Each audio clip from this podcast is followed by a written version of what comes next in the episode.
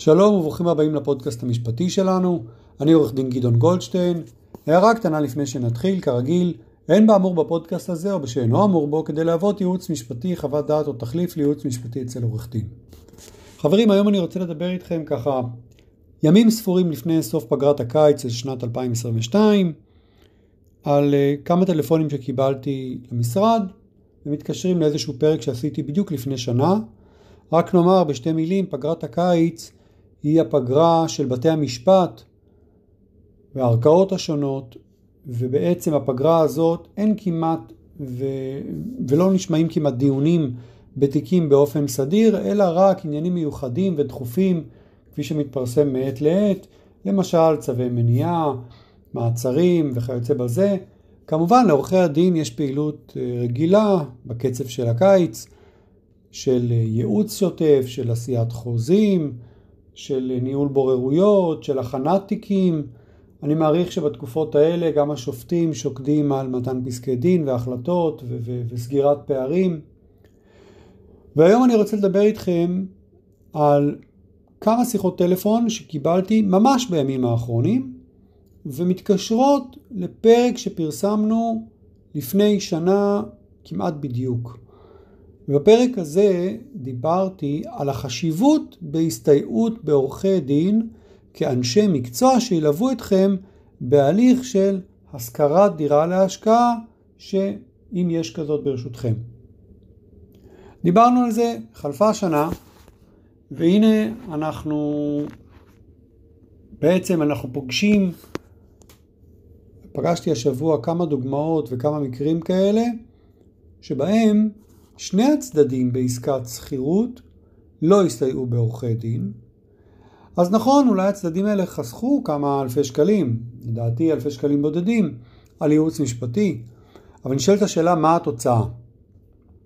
והתוצאה לא תמיד מגיעה בשנה הראשונה או השנייה, היא יכולה להגיע אחרי כמה שנות שכירות, אחרי שלא כל כך זוכרים ולא תמיד מסתכלים ולא בודקים מה כתוב בחוזה ומה אומר החוק, אבל התוצאה היא בכל המקרים האלו, שמי שניזוק, פעם זה היה השוכרים ופעם המשכירים אגב, ניזוק בעשרות אלפי שקלים.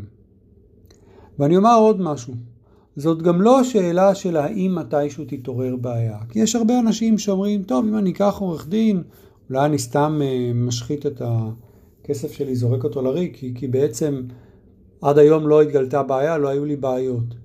השאלה היא מתי תהיה בעיה ומהו גובה הנזק. כי אחרי שרואים המון מקרים, אתה מבין שזכויות יכולות להתנהל במשך שנים רבות, סוחרים נכנסים, סוחרים יוצאים, סוחרים ממשיכים, והכל בסדר. אבל יש איזשהו שלב שבו הסוחרים ובעלי הנכס מגיעים לנקודות חיכוך, ואז יש בעיות, ואז פותחים את הסכם השכירות ומגלים שיש טעויות שעשו, ומגלים שיש סעיפים שאי אפשר לממש, והן בטוחות, והנזקים יכולים להיות לפעמים גדולים ומשמעותיים מאוד, אז השאלה, האם זה שווה את זה? אחת הדוגמאות שהגיעו אליי השבוע, לא כל כך קשורה אגב להסכם שכירות דירה, אבל כן קשורה לדירה, לשיפוץ של דירה. פונה אליי לקוח פוטנציאלי, ומספר לי שהוא הסתכסך עם השיפוצניק שלו. השיפוצניק כבר התחיל לעבוד וכולי, אבל התגלתה איזושהי בעיה והפסיק את העבודה ועכשיו דורש תשלום. ואני לא אפרט ואני לא אסגיר פרטים כמובן, אבל, אבל אומר לי הלקוח הפוטנציאלי, תראה, חוזה בכתב לא עשינו. ועכשיו הגיע הרגע שלי לספר לו שזה שאין חוזה בכתב, זה לא אומר שאין חוזה. כי חוזים יכולים להיחרט גם בעל פה, או על דרך של התנהגות למשל.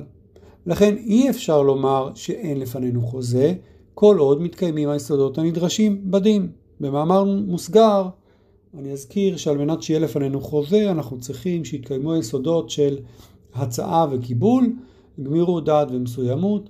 נעצור כאן כי זה לא פרק בדיני חוזים, זה לא שיעור בדיני חוזים.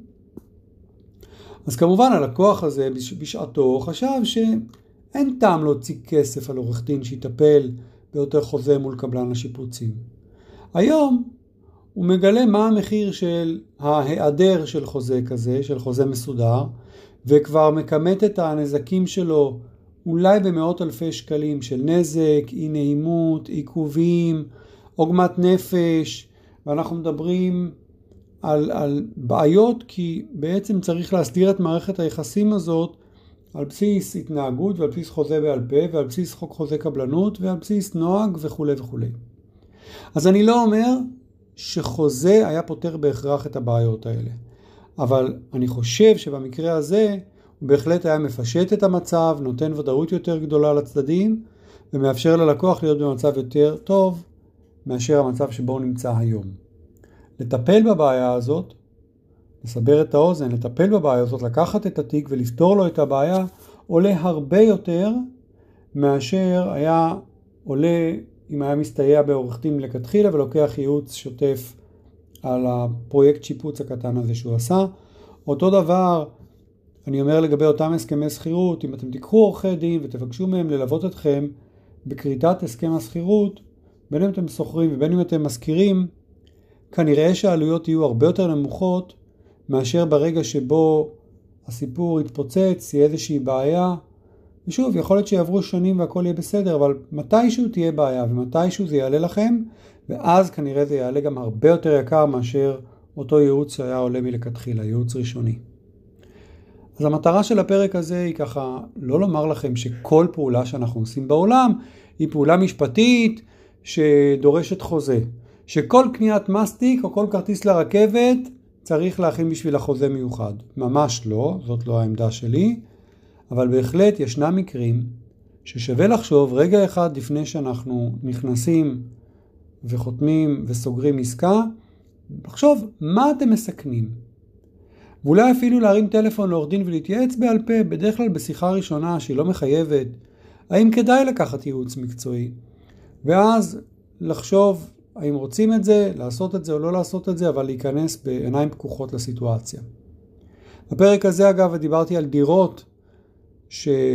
שאתם קונים בעמל רב והפסד על שכירות ושיפוץ וכולו, וכולי, ואנחנו מדברים על נזקים שהמשמעות שלהם בשכירות או בשיפוצים זה נגיסה משמעותית בהשקעה שלכם או בדירה שאתם גרים בה ונגיסה משמעותית בחסכונות שלכם.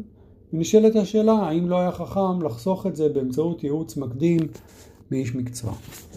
עד כאן אני עורך דין גדעון גולדשטיין, מאחל לכם ראשון בספטמבר נעים.